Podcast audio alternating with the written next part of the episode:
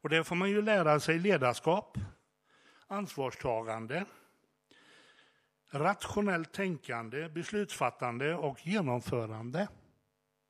Men det viktigaste utav allt, som våra befäl alltid sa, lös uppgiften. Och den där tog jag med mig i bakhuvudet. Därför efter fem år, ja, jag blev kvar så länge, jag gjorde också frivilligtjänstgöringar. Efter fem år så tyckte jag jag kunde det där. Att ta hand om personal som kanske inte alltid vill göra det som de skulle göra. Men ta ansvar för material, för programmet, det man ska göra. Så en dag, jag var aktiv fortfarande under denna tiden i Röda Korset i Halmstad. Så en dag så sökte man ungdomsvolontärer för ett utvecklingsprojekt i Nepal. Nepal i Asien, norr om Indien på Himalayas sydsluttning. Jag tänkte ungdomsvolontär, kanske man kan åka som ful ankunge ändå. Så jag sökte och det blev en tuff uttagning. Tro det eller inte. Lille Holger kom med och skulle få åka till Nepal i Himalaya och vara borta i elva månader. Och då tycker jag den här lilla låten från Cat Stevens passar ganska bra.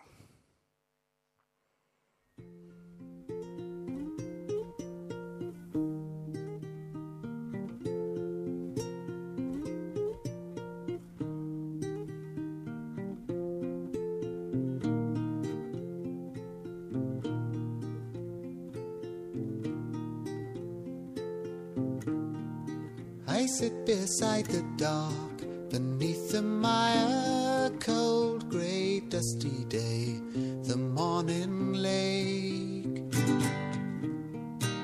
drinks up the sky. Kathmandu, I'll soon be seeing you and your strange,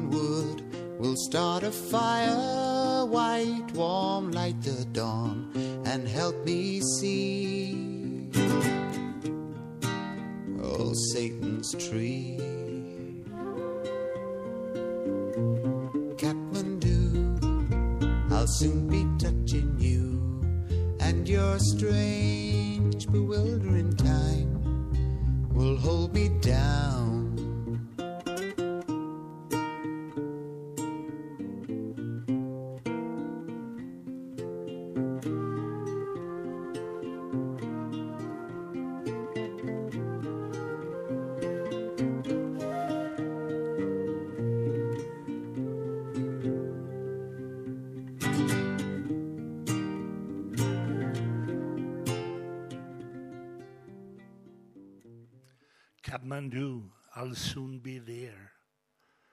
Jo, det bar iväg. Första gången utanför norra Europa, alltså de nordiska länderna och Tyskland. Skulle till Indien och Nepal.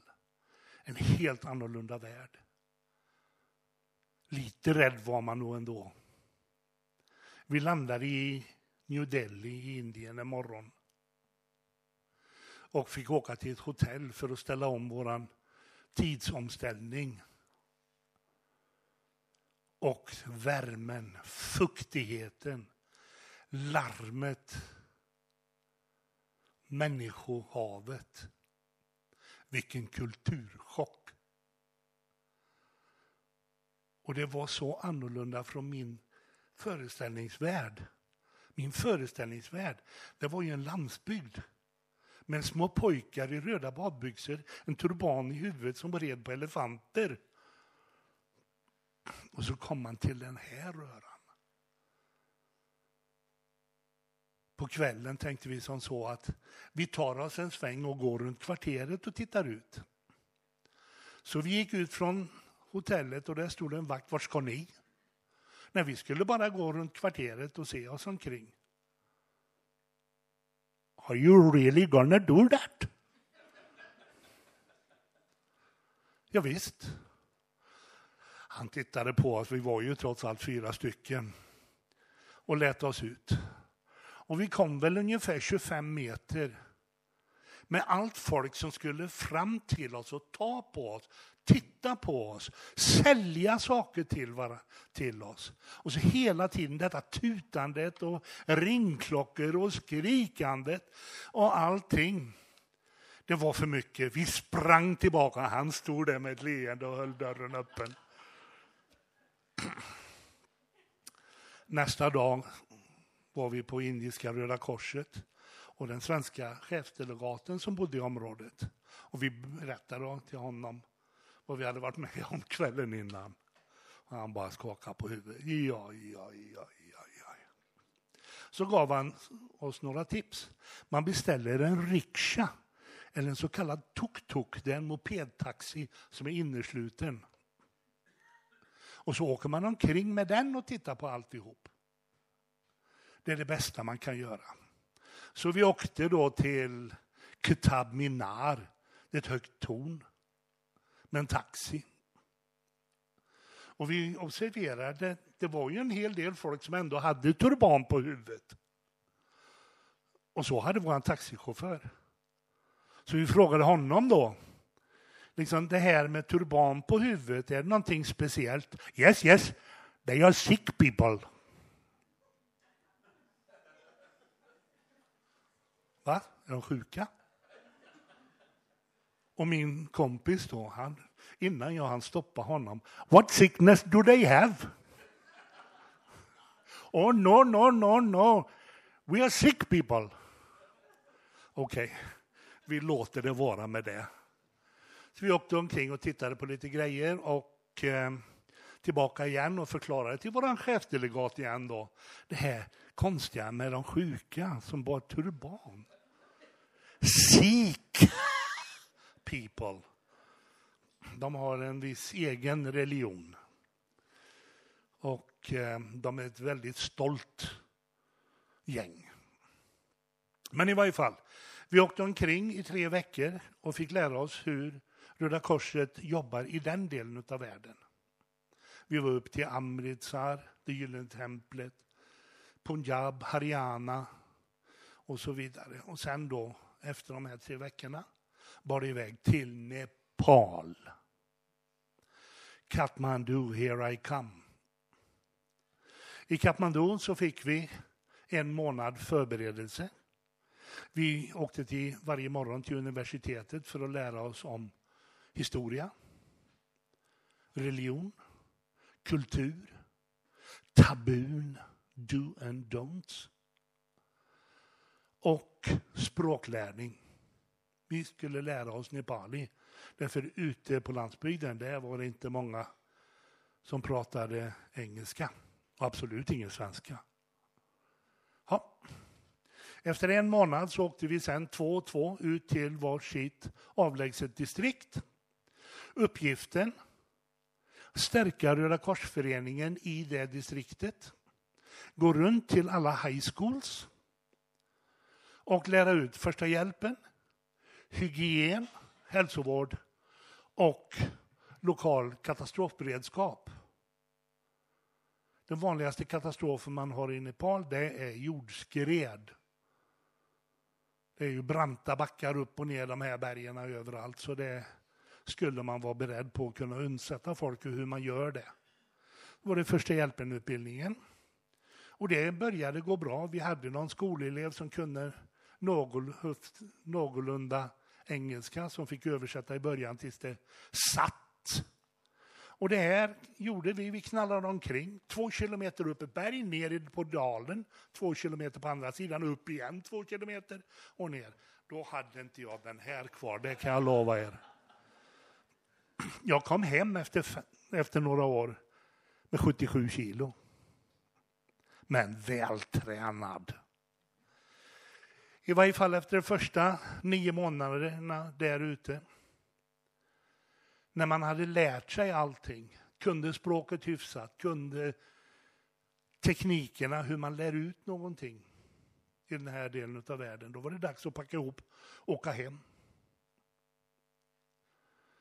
Och det var under den tiden när jag var där som det var någonting som gick upp för mig.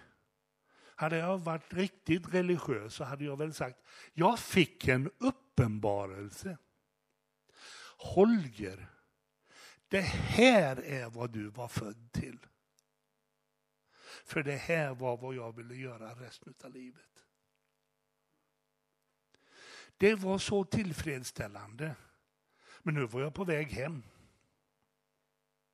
Så när vi kom hem till Stockholm, skulle avrapportera, så klagade jag och sa det att nu, när jag kan språket, äntligen efter alla dessa månader, jag kan kommunicera, jag vet hur Röda Korset jobbar i den här delen av världen, jag kan få någonting gjort, då var det dags att åka hem.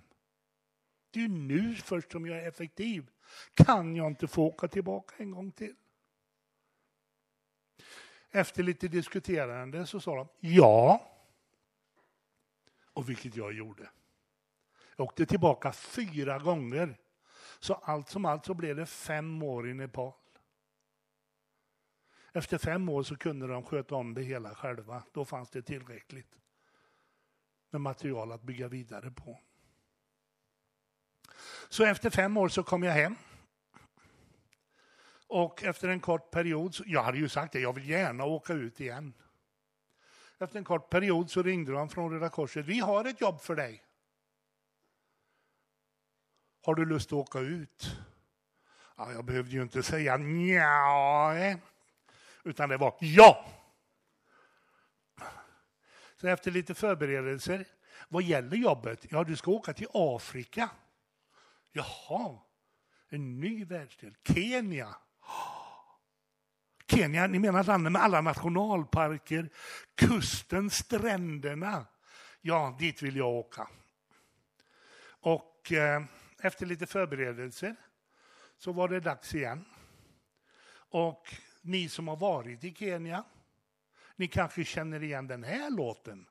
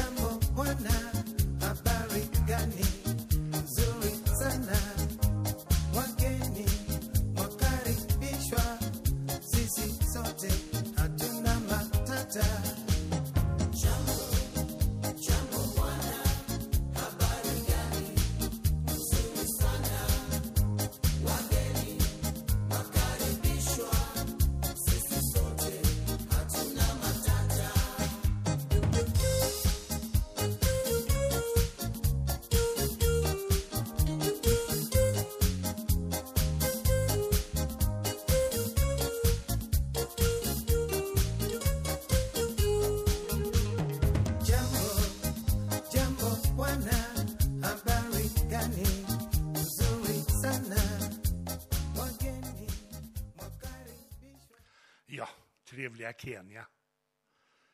Landade i Nairobi, till kenyanska Röda Korset. Fanns också en svensk delegat där. Delegat är de som skickas utomlands för Röda Korsets räkning. Jag var nu en delegat. Jag var ingen ful ankunge längre. Jag var en ankunge. Men i varje fall, jag kom dit. Glad i hågen, nu skulle vi jobba. Vart skulle jag? Jo, du ska upp till nordöstra Kenya. Det är en vit fläck på vår Röda korskarta. Garissa, Wajir och Mandera heter distrikten. De är på gränsen till Somalia och Etiopien. Jaha, vad ska jag göra där? Jo, du ska starta Röda korsföreningar i dessa områden. Sätta upp en styrelse, en interimstyrelse och utbilda folk i vad Röda Korset står för och våra värderingar. Och samt, samt utbilda dem i katastrofberedskap. Därför det händer ganska ofta att vi får torka i det området. Rejäl torka. Plus att både Somalia och Etiopien är ganska instabila så det skulle kunna hända att vi får flyktingar därifrån. Jaha, ja men det är bra. Så vi lastade bohaget på en lastbil, åkte i förväg med en jeep i två dagar på obefintliga vägar och kom fram till Wajir där vi skulle ha vår bas. Sand och busköken. Medeltemperatur under året 38 till 40 grader. Torr luft, inte fuktig. Torr luft. Där skulle vi verka. Vi, vi, vi fick ett hus att hyra. Det fanns ingen luftkonditionering. Vi sprang ner i en butik och fick såna här fläktar som står och viftar. Med ganska lång hals. Köpte tre sådana. Och vart än vi gick, i köket eller i vardagsrummet, i sovrummet, tog vi alltid med oss dem. För när det är kallt ute, då kan vi klä på oss. Det finns inget dåligt väder, har vi fått lära oss i Sverige. Det finns bara dåliga kläder. När det är kallt, då tar man på sig ordentligt. Men när du har klätt av dig allt och du fortfarande är dyngsur utav svett, trots tre fläktar som står och blåser på dig. Ja, det tog en tid att ställa om. Och sen skulle vi göra ett jobb, uppgiften också. Att söka medlemmar och sätta upp en styrelse i ett område som är muslimskt. De såg ju lite grann så där på det här med Röda Korset. Ett kors, det måste väl vara kristet. Så vi var ju tvungna nu att tala om för dem hur Röda Korset jobbar och vad Röda Korset står för. Att i muslimska länder så finns det normalt en Röda halvmåne. Det är samma organisation, samma grundprinciper, samma allt. Det är bara det att de har en annan symbol. Ja, men då vill vi också ha Röda halvmånen här uppe. Och då det finns bara en förening i varje land. Och det är Röda Korset och de sitter nere i Nairobi och har bestämt att det ska heta Röda Korset. Och dessutom är det inget kristet kors, utan det är fyra stycken liksidiga armar. Det är schweiziska flaggan omvänt.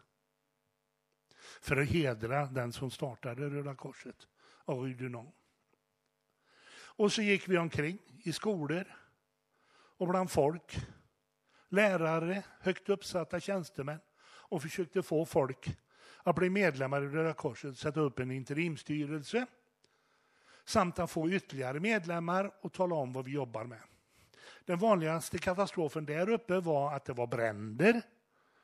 Därför folk var mestadels nomader och bodde i hyddor, hade öppen låga för att laga maten på och ibland tog det sig och sen brann alltihop ner. Men då var det ju som så, vad ska vi göra? Hur ska jag klara uppgiften? Jag, lille Holger. Lös uppgiften, kom det i bakhuvudet. Ja. Okej, okay. ödmjukhet. Gå ut, köra på och berätta om Röda Korset. Vad vi gör, att vi är neutrala, att vi är opartiska och vi hjälper alla. Och om alla hjälper till, då kan vi klara av alla kriser. Och när bränderna kom, hur skulle det vara? Jag gick omkring till olika såna här handelsmän och frågade, skulle ni kunna skjuta till en filt? En, några löpmeter tyg, några husgeråd, tallrikar, kastrull eller någonting sånt där och kanske lite mat. Jag gick omkring så. Och när den första branden hände efter att vi hade kommit dit så gick jag runt och frågade kan vi skjuta till det här? Och tillsammans med distriktskommissarien så gick vi till den här familjen och lämnade över allting som vi hade samlat in. Och de kunde starta ett liv igen. Med egentligen inga pengar som insats, utan givmildhet. Och jag hade ju börjat skimma Koranen också. För det finns likheter i Koranen och Bibeln. Hjälp din nästa när din nästa är i nöd. Det fanns i deras skrift också. Så det där citerade jag flera gånger. Ja, ja, självklart skulle det komma tillbaka när det händer igen. Och vi hade ju talat om vilka som hade varit givare, vilka handelsmän som hade hjälpt till och så vidare. Så de stod där och var riktigt stolta. Så när det hände igen, då hjälpte de till igen. Och sen började allmänheten hjälpa till och förstod att de är nog inte så dumma de där Röda Korsarna. De är lite bleka i hyn men de verkar kunna sitt jobb. Och så där gjorde vi i två år. Och sen bar det iväg igen till nästa uppdrag. Och då, det var egentligen så att jag hade sökt en tjänst, första och sista gången jag sökte en tjänst. Därför det var någonting som jag, jag hade nu sysslat med utvecklingsjobb. Jag ville dit där katastrofen hade hänt. Och då fanns det en öppning i ett land som heter Malawi. Jag hade ingen aning om vart det låg. Men det lät exotiskt. Ja. Fick jobbet, åkte ner till Malawi som ligger i södra Afrika, inkilat i Mosambik vid en så kallad Nyasasjön. Det hette Nyasaland tidigare. Men där låg Malawi. Och jobbet, ja lilla Malawi ni vet, grannlandet Mosambik hade ett inbördeskrig på den tiden mellan Renamo och Frelimo och de sköt på varandra och så vidare. Så lilla Malawi hade fått 1,2 miljoner flyktingar. De skulle vi hjälpa. Och de satt i flyktingläger överallt. Jag blev tilldelad södra, södra spetsen utav Malawi nere i låglandet tropiskt klimat, fuktigt, varmt. Där skulle jag verka. Det fanns bara 750 000 flyktingar i det här lilla området. Det gick tre flyktingar per Malawi, malawier i det området. Det kan vi snacka om påverkan utifrån. Men där skulle vi dela ut förnödenheter, mat, matransoner var fjortonde dag. Däremellan filtar och köksutrustning och annat som skulle ut. Och så vaccinationsprogram också med det. Och tänk er nu 750 000 människor, de står ju inte på en kö och väntar på sitt. Utan det var sådana här distribution, nu fick jag till det, distributionspunkter där ett gäng frivilliga från Malawis Röda Kors stod och delade ut förnödenheterna. Och sen pågick detta. Och nästa dag på lite längre upp i läget, nästa dag ännu lite längre. Tills vi hade kommit till andra änden, då var det dags att börja om igen för 14 dagar senare. Därför de fick ju alltså mat för en 14 dagars ranson. Och den här introduktionen som jag fick, den pågick i två dagar därför han som hade varit där innan mig, han ville hem. Jaha. Lille Holger stod där igen. Har inte jag tagit mig vatten över huvudet den här gången? Snacka om att dyka in i poolen i den djupa änden med släckt belysning. Lös uppgiften. Ha. Med hjälp av de frivilliga, 1200 frivilliga från Malawis Röda Kors i området ställde frågorna som jag behövde ställa och såg på min uppgift. Min uppgift var att koordinera det hela, se till att ingenting försvann, att alla fick sina ransoner och se till att logistiken fungerar. Ni kan ju tänka er hur många långtradare som kom hela tiden med de här förnödenheterna och ingenting skulle försvinna. Det blev min uppgift. Och om det blev några problem någonstans skulle jag lösa det. Ja, lös uppgiften. Det sysslade jag med i två år.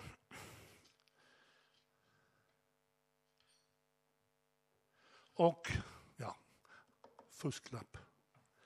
Sysslade med det i två år tills generalsekreteraren i Kenya ringde till generalsekreteraren i Malawi och sa den där Holger ni har där nere, han jobbade bra i Kenya när han var här sist och nu har vi börjat att få flyktingar. Därför Somalia har gått och blivit inbördeskrig. Nu kommer alla flyktingar ner längs kusten och över gränserna. Holger, han har varit där i två år, han kan det här nu med flyktinglägren. Skicka hit honom. Ja, det var bara att packa och sticka. Och då, det här med att packa och sticka och göra och hjälpa varandra och alltihop det där, det får mig till en annan låt som ni kanske kommer ihåg från några år tidigare där.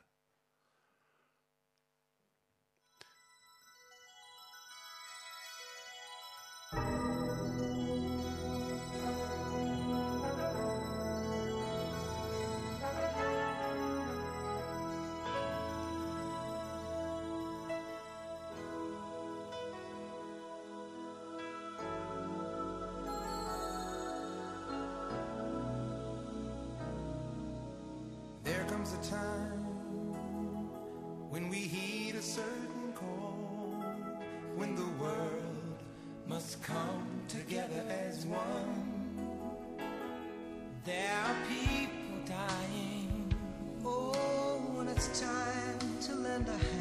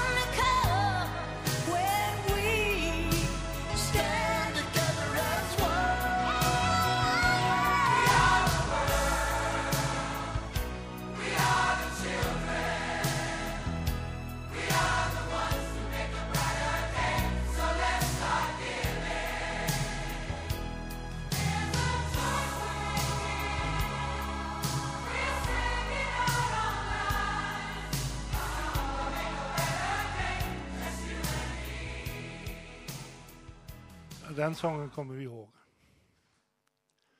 Den är lika aktuell idag som den var då.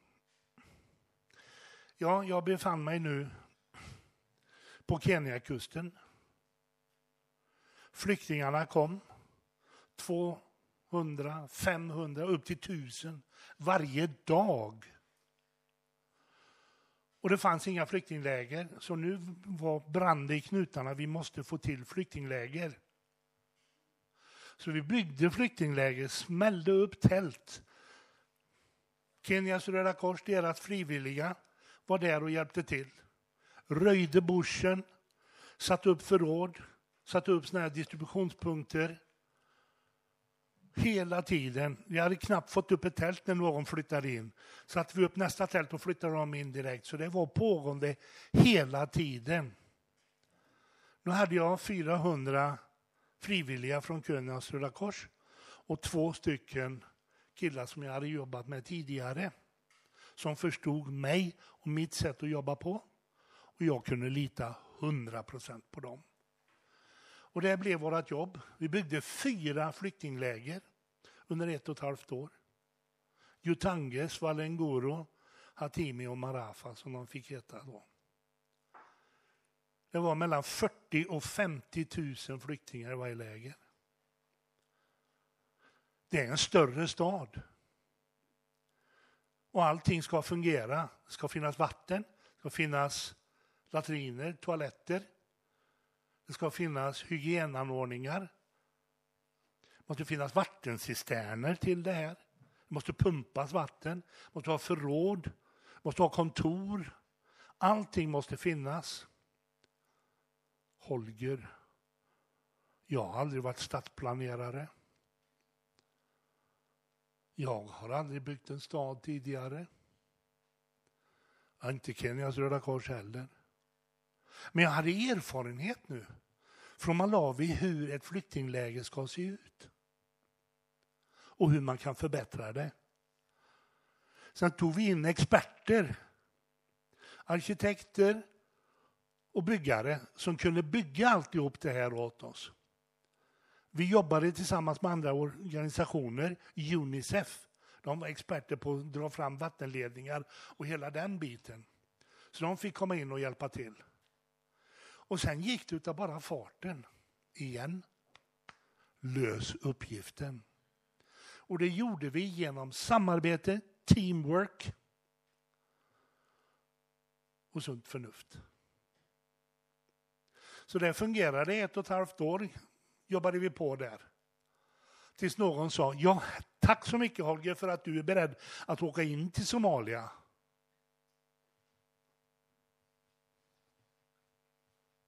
Vem sa det? Nej men vi har pratat med Svenska Röda Korset, de ska prata med dig. Du, du, du har sagt ja, vi ska åka in. Det har jag aldrig sagt, jag har aldrig fått förfrågan. Ja men nu är det som så att flyget går om två dagar. Det är två sjuksyrror som du ska ta hand om. Och flyga in och sätta upp. Ja men det är ju krig, sa jag. Ja det är det. Ja men nu jobbar jag för federationen, den delen av Röda Korset som har specialiserat sig på katastrofer, bygga upp nationella föreningar och ta hand om flyktingar på utsidan i grannländerna från det krigsdrabbade landet. Det är kommittén som är den delen av Röda Korset som jobbar inom krigsområden. Två helt skilda grejer. Men nu är det som så att kommittén har bett federationen om hjälp att komma in och stärka somaliska Röda halvmånen med ambulerande kliniker, hjälpa kvinnor, äldre och barn. Därför de lider. Det är ju männen som för krig. Och de har glömts bort. Så du ska upp i nordöstra Somalia till stället som heter Garoe. Ni skämtar. Nej. Hjärtat satt här uppe. Livrädd. Jag har aldrig varit i krig, krigsområde tidigare. Nu ska jag flyga in. Arbetsbeskrivningen var en och en halv meter lång. Och där stod det, dina kollegors liv är ditt ansvar. Jaha. Upp till Nairobi. Fick en genomgång på en halvtimme ungefär.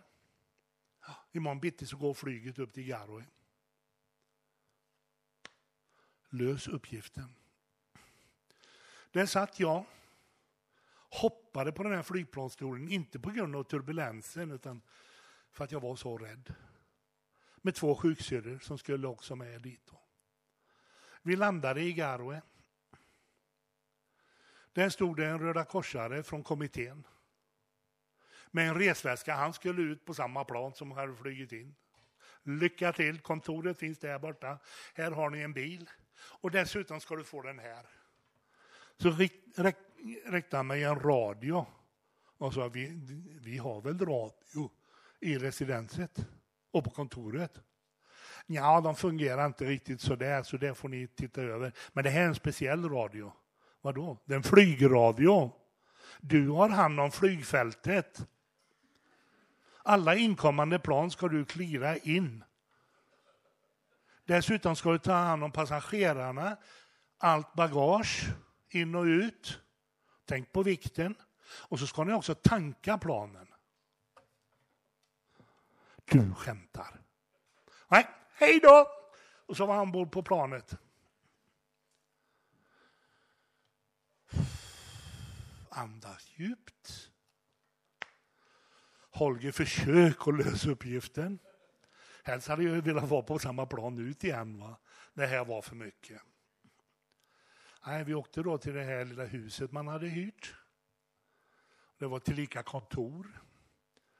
Så vi sov på golvet på nätterna och sen då rullade ihop alltihop och sen var det ett skrivbord och där satt vi och åt våra mat och så blev det kontoret då. Vi skulle hjälpa den lokala Röda korsföreningen då med ambulerande kliniker. Och restaurera ett sönderbombat sjukhus. Det enda referral hospital utanför Kisani Hospital i Mogadishu. Och vi skulle få in personal. Vad för personal behöver du? Ja, snarast en pilot och ett stort plan så jag kan få allt folk ut härifrån igen. Nej, det går inte. Ja, sagt och gjort, vi gjorde jobbet. Och eh, tillsammans, vi fick senare in sjuksköterskor från italienska Röda Korset, två läkare och en logistiker. Allt från italienska Röda Korset. Lärde mig italienska under den perioden, kan jag tala om för er. Men det fungerade. Vi hade granater som flög över huset ungefär en gång i månaden. Vi hade skjutningar på nätterna, upp och ner längs gränderna och gatorna. Åtminstone en gång i veckan, handgranater som gick av och så vidare. Och varje gång det small, då var det standard. Allihopa till mitt i huset, där gick det en trappa upp till taket. Den var i betong och väggarna var i betong. Så vi satte oss allihopa under den trappan tills det hade slutat smälla. Och i och med att vi allihopa var tillsammans så kunde vi hålla om varandra. Vi kunde prata om det, vi kunde prata ut. Och det var det bästa sättet att hantera det här traumat. Därför vi hade alla varit med om samma sak. Det var ingen utomstående som vi skulle gå till. Och våra föräldrar, ja, de förstod nog inte riktigt vad vi var inne på. Dessutom hade jag sagt till min syster, ni får inte tala om för mamma att jag är inne i Somalia. Jag befinner mig fortfarande i Mombasa. Hon tyckte till och med att Mombasa var för nära. Men i varje fall så gick det. Vi gjorde jobbet där igen. Och så gick det efter det. Den upplevelsen som då var min värsta. Men nu när jag tittar tillbaka på det kanske var den bästa. Därför vad vi åstadkom. Givet de förutsättningarna. Vad vi åstadkom var ett mirakel alltså. Och det var tillsammans med somaliska Röda halvmånen, våra team, sunt förnuft, lägga ansvaret för vår säkerhet på klanledarna, de så kallade höga chiferna i området. Ständiga diskussioner med dem. Röda Korsets grundprinciper, som vi höll stenhårt på. Så fick vi jobbet gjort. Efter Somalia, ja, vad gör man då? Det är bara iväg tillbaka till Malawi, därför nu hade det blivit fred i Mosambik. Fred hade brutit ut. Tror det eller inte, men det var precis vad som hände. Det var ingen förhandlad fred med FN eller någonting sånt där. En vacker dag så hade de här två krigsherrarna bestämt sig för nej nu slutar vi, nu är vi trötta på det här. Och så la de ner vapnen. FN kom in med minröjare. Och vart efter de röjde så flyttade folket tillbaka. Och FN förberedde såna här repatriate packs. Alltså folk skulle få med sig en hel säck med grejer när de åkte hem igen. Ja, när de kom fram då hade ju mosambikanerna redan försvunnit sedan länge. Men här stod Malawiska Röda Korset med 1,2 nej, 1500 frivilliga. En organisation som var helt inne och hjälpa flyktingarna. Vad gör man med en sån vit elefant nu? Så då var det till att skala ner det hela. Och det är inte alltid populärt. De som har jobbat nu så länge, dag och natt, i alla dessa år och nu blir de friställda. Lös uppgiften. Skyll på mig. Det är jag som kommer utifrån. Men det måste göras. Och få Malawiska Röda Korset till att ställa om och göra det jobbet som en Röda korsförening gör i den delen av världen när de inte har flyktingar. Det blir det jobbet. Sen efter andra uppdrag i östra och södra Afrika, Uganda, Etiopien, Malawi, Zambia, Zimbabwe, Namibia, Sydafrika, Mosambik. Oftast med att organisera flyktingläger. Det har ju blivit min specialitet nu.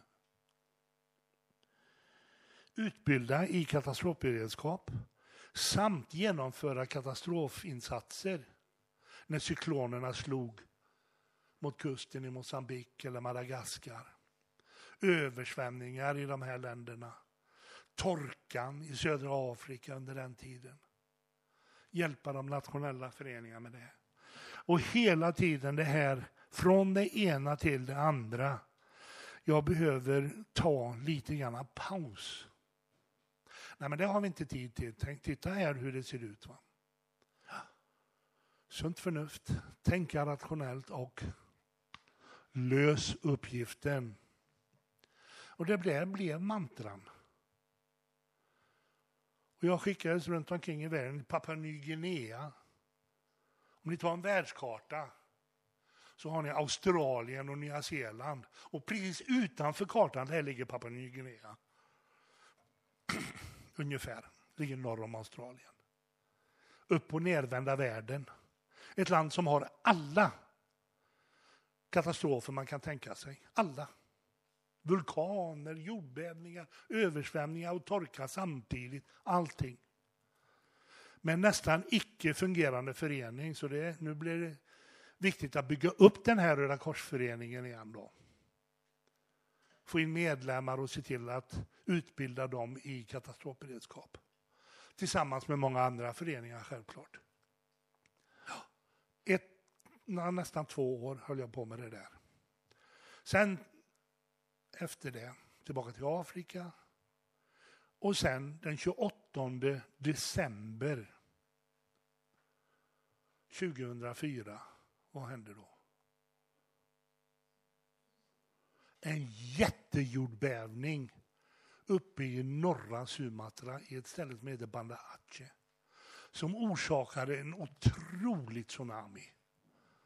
Fem vågor. Värst drabbat var ju då Banda Aceh. Över 400 000 människor strök med där. 1200 överlevande i, kust, i kustområdet. Men hade ingenting kvar. Därför först hade den här enorma jordbävningen på nio på Richterskalan skakat sönder precis allting. Sen kom de här vågorna och sopade rent allting. Det fanns inget kvar. Nu skulle vi undsätta de här. Det här var stort.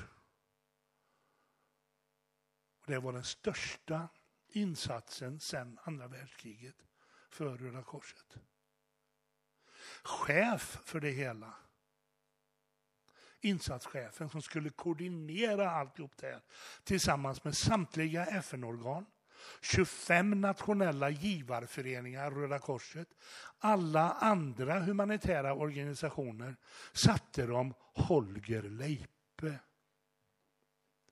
Jag blev chef. Jag jobbade ungefär 16 till 17 timmar om dagen. i ett par månader.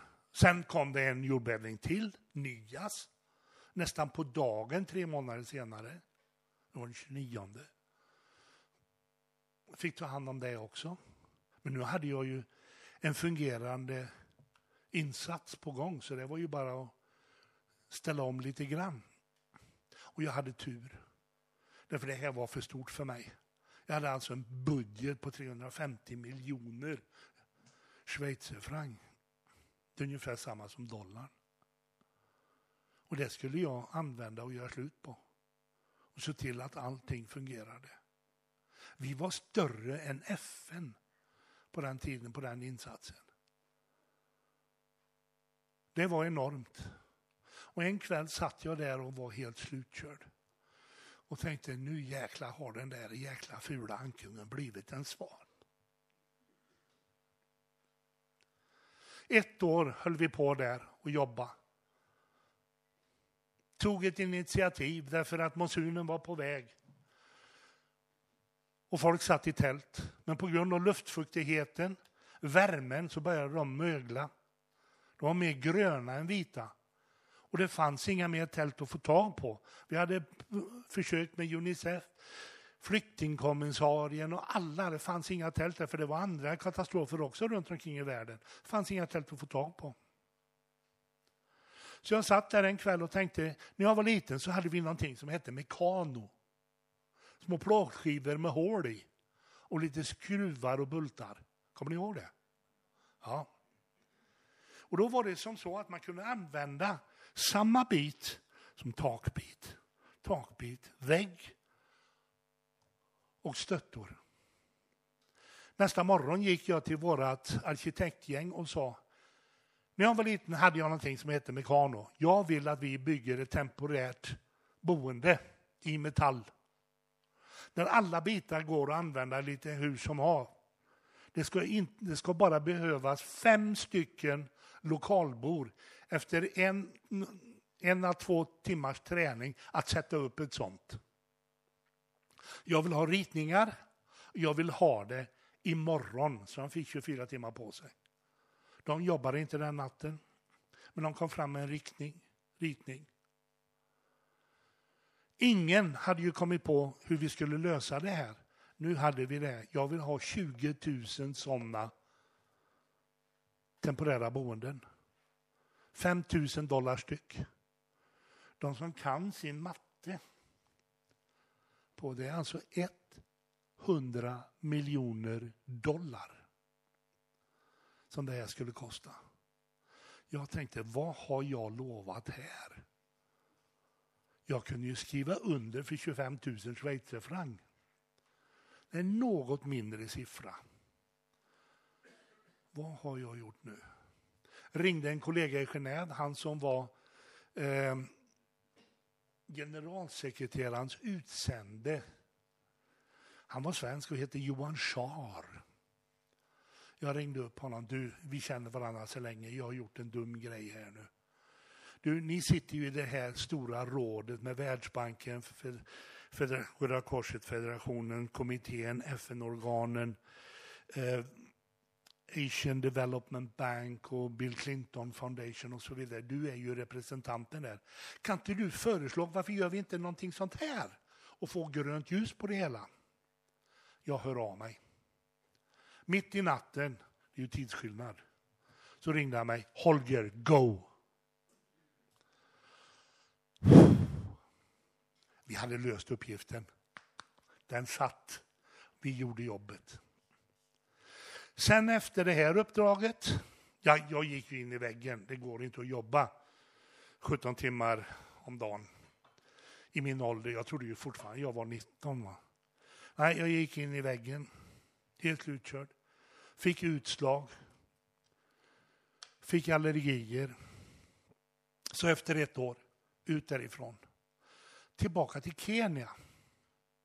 Alltid trivts i Kenya. Nu skulle jag bli säkerhetsansvarig för all Röda korspersonal som fanns i östra Kenya i alla länder. Säkerhetsbestämmelser, evakueringsplaner, krisberedskapsplaner för pandemier, epidemier, vad det, upplopp, allt vad det var. Detta skulle finnas i alla de 24 ländren, länderna. Du kan få några år på dig, men se till att det händer. Ja, men efter tsunami, det blir inga problem. Jag blir kvar i nio år. Sen tyckte jag, nu behöver jag semester. Skulle åka hem. Ta tre månader ledigt mellan uppdrag. Åka hem till Sverige. Nej, till Tyskland, ursäkta. Jag hade nämligen en liten bas i Berlin på den tiden. Åka hem till Berlin bara för att få ett meddelande. Holger, packa väskorna nu, bär dig iväg. Nej, nej, nej, nej, jag har sagt tre månader. Det finns andra som kan göra jobbet. Det är inte bara Holger, Ian och eh, Kennedy som får hoppa bak på alla större uppdrag. Nu får ni ta in fler. Jag behöver mina tre månader här nu. Saken är den, det är personförfrågan, det är bara du. Det är på grund av din erfarenhet. Det är flyktingar.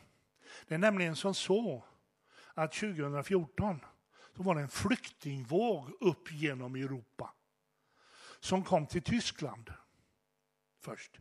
Nej, de kom ju till alla andra länder också. Men det första landet där de inte blev sparkade på. Där de kunde känna sig säkra. Så tyska Röda Korset skulle bygga ett transitcenter med 5000 bäddar. Och den som var mest erfarenhet, med, med mest erfarenhet där utifrån, det var ju Holger, han kunde ju det här. Vi vill ha hit honom, våra delegater som har jobbat ihop med honom säger det är killen ni måste få hit, han får jobbet gjort. Så, ner till södra Tyskland, nu skulle jag jobba i Europa. Södra Tyskland, utanför München. En gammal nedlagd flygbas skulle byggas om till ett transitcenter. Jag fick ett kompani tyska bergsjägare. Tekniska verket som de kallas där nere, det är ungefär som MSB fast på hemmaplan för Tyskland. Tekniska, Technische Hilfswerke. Personal därifrån. Utrustning, maskiner och alltihop.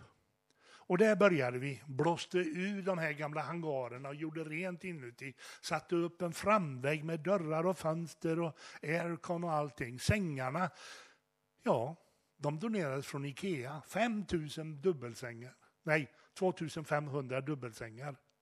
Vi hade sådana här stora mässtält från Oktoberfest. Dit kunde vi inreda. Satte upp sådana på den här flygbasen. Ja, vi var fullt kör och alla var tränade och tyska Röda Korset visste precis vad de skulle göra. Och chefen för det hela han kom, Holger, du, vi måste förlänga ditt kontrakt med minst tre månader. Jag vill att du är här och ser till att allting funkar. Ring Svenska Röda Korset, det är de som bestämmer. De sa nej. Därför att de flyktingar som har varit nere hos er, de börjar komma hit till Sverige nu. Nu vill vi ha hem Holger. Ja, det var bara att packa och åka hem kom till Stockholm. Flyktingsamordnare för hela Stockholmsområdet. Första gången på hemmaplan. Efter många herrans år. Hur fungerar Sverige? Kunde ju knappt språket längre. Men här skulle det jobbas. Ja, så jag sa till det teamet som redan var igång. Jag är er chef. Ni är experterna. Ni kan jobbet. Låt mig vara snöplogen som går framför och ser till att ni kan göra ert jobb. Har ni problem säger ni till mig så löser jag problemet och ni kan jobba. Bra grej. Tio dagar senare så står en berömd politiker i tv och säger vi har nu stängt våra dörrar. That was it. Där stod jag utan jobb. Vad skulle vi göra nu? Då var det någon som sa, Holger med all hans erfarenheter från säkerhet och så vidare, kan vi inte ta in honom som säkerhetsrådgivare på hemmaplan? Vi behöver ett säkerhetsmaterial, var försiktig materialet, som finns både på nätet och som häfte man kan utbilda sig själv. Det är så enkelt att två personer tillsammans kan sitta och göra det här. Jag tog fram det med sunt förnuft. Och ni som inte har sunt förnuft, ni skulle ändå kunna klara av det, så enkelt är det. Det tog vi fram. Jobbade som Svenska Röda Korset nationella säkerhetsrådgivare fram till mars för två år sedan. Då jag skulle gå i pension. Sen vad gör man då? Ja, nu var jag ju svensk igen. Skulle lära mig Sverige. Nu ska vi se vart vi är på pappret. Jag vill nästan vid slutet och säger klockan också. Vi måste avsluta det hela. Ja, så efter 38 år i utlandet, nu återvänt hem. Massor av erfarenhet har jag lärt mig. Fått ny kunskap. Massor av minnen. Både glada minnen, trevliga minnen, men också hemska minnen. Jag har sett min beskärda del av eländet där ute och dött folk. De har satt sina sår på själen. De har gjort mig till den människa jag är idag. Jag har fått göra mina uppoffringar. Jag hade inga vänner kvar i Sverige efter de 38 åren i utlandet. Därför jag gick ju från uppdrag till uppdrag till uppdrag. De flesta som är ute som delegater, de åker ut på ett uppdrag hemma i två år, åker ut hemma i två år och så vidare. Jag tyckte, det var ju där ute jag skulle vara. Så jag åkte ut och var där ute hela tiden. Hade inga vänner kvar egentligen. Bara mina närmaste släktingar, varav tre sitter här. Det var de jag hade kvar. Och några till kusiner till de här. Det var de som fanns kvar. Det var jobbigt. Två äktenskap hade jag sumpat på vägen. Det var inte kompatibelt med det livet jag levde. Tappade kontakten med mina två söner på grund av en annan anledning. Fick kontakt igen nu för ett och ett halvt år sedan. Nu har de varit här. Jag har fått kontakt med mina söner igen. Ja. En annan sak, jag har fått taskig pensionsersättning. Därför de här eh, uppdragen i u-länder de räknas på ett helt annat sätt och ibland inte alls. Men jag ler fortfarande och jag lever. Jag har lärt mig om medmänsklighet, sunt förnuft, anpassning, jag sa ödmjukhet, rationellt tänkande och alltid se möjligheterna även i den värsta krisen. Och mantrat var ju lös uppgiften. Mitt liv har varit styrt, styrt av Röda Korsets grundprinciper och kommer att fortsätta göra det. Det är hela mitt liv, det sitter i hjärtat. Hela livet i Röda Korset. Jag fortsätter med att hålla föredrag och genomföra utbildningar. Jag är glad över att få komma tillbaka hem till Sverige. Att jag kunde komma tillbaka hem till Sverige. Världens bästa land. Hörde ni det? Världens bästa land. Jag har mycket att jämföra med. Även grannländerna här uppe. Vi har mycket att jämföra med. Visst har vi problem här hemma som vi måste ta itu med. Men tyvärr är de förstorade. Okej, okay, folk dör, det är skjutningar och alltihop det där. Men de bleknar i jämförelse med andra länder. Sverige är världens bästa land och det är många som säger det nu. Vad heter han den här superrike norr norrmannen nu igen med hotellen? Petter Stordalen. Han är norrman. Även han säger Sverige är världens bästa land. Så tro på det, för det är det. Och tillsammans kan vi klara av det i världens bästa land. Tillsammans kan vi lösa uppgiften. Och i kriser ska vi handla rationellt och tillsammans. Och politiker ska inte skälla på varandra. Man ska jobba tillsammans. Och det skulle jag vilja understryka med en sista låt. Den sista låten. Lyssna gärna. Jag är en kran i Göteborgs Frihamn en disig morgon. Och jag är en kyrkbåt vid Siljans strand. Jag är figuren Rosenbom i flottans Karlskrona. Och jag är Bohusläns karga stenar och sand. Jag är Riddarfjärdens klarblå vatten. Och jag är busstationen på torget i Söderhamn. Jag är Kungsgatans blixtrande ljus om natten och jag är alla blommorna i Roslagens famn. Jag är Vingas salta, friska västvind och jag är Hälsinglands trollska, susande skog. Jag är Sommarhagens svängande trägrind och jag är bordet på en gammal söderkrog. Jag är Djurgården och Brynäs på Hovet och jag är Tore Skogman i Malmö Folkets park. Jag är en badande unge på sommarlovet och jag är Smålands skogbevuxna mark. Jag är eftermiddagens Aftonblad och Expressen och kvällens Aktuellt i TV1. Jag är den väldiga pub och NK-stressen och jag är mer av Värmland än en värmlänning någonsin har sett. Jag är midsommarstången på den gröna ängen och jag är adventsstjärnans blekröda ljus. Jag är lucian med kronan och kaffe på sängen och jag är lördagskvällsdansen i Åmåls Folkets hus. Jag är midnattssolens mäktiga sken och jag är ett paket ifrån Ellos i Borås. Jag är violen från bokhandeln i Flen och jag är stämpeluret hos ASEA i Västerås. Jag är Povel Ramel och jag är Evert Taube och jag är Pettersson Berger i Treans kanal. Jag är en kostym från Kappahl i en garderob och jag är Karl den 16 Gustav i Vita havets sal.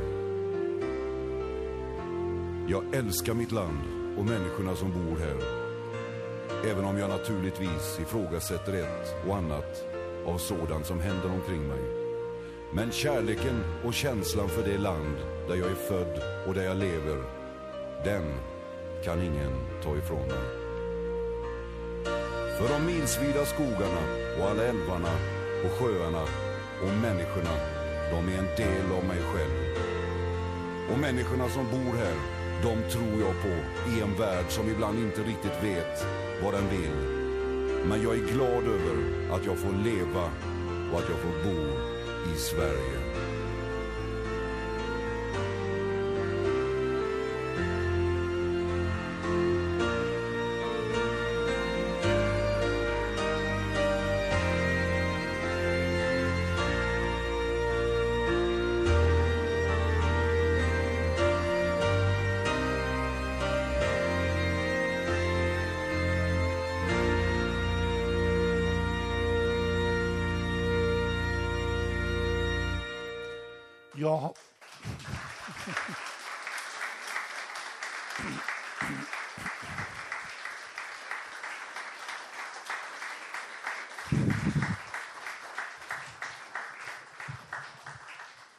Jag hoppas ni inte tyckte att det här var bortkastad tid, utan ni har fått vara med.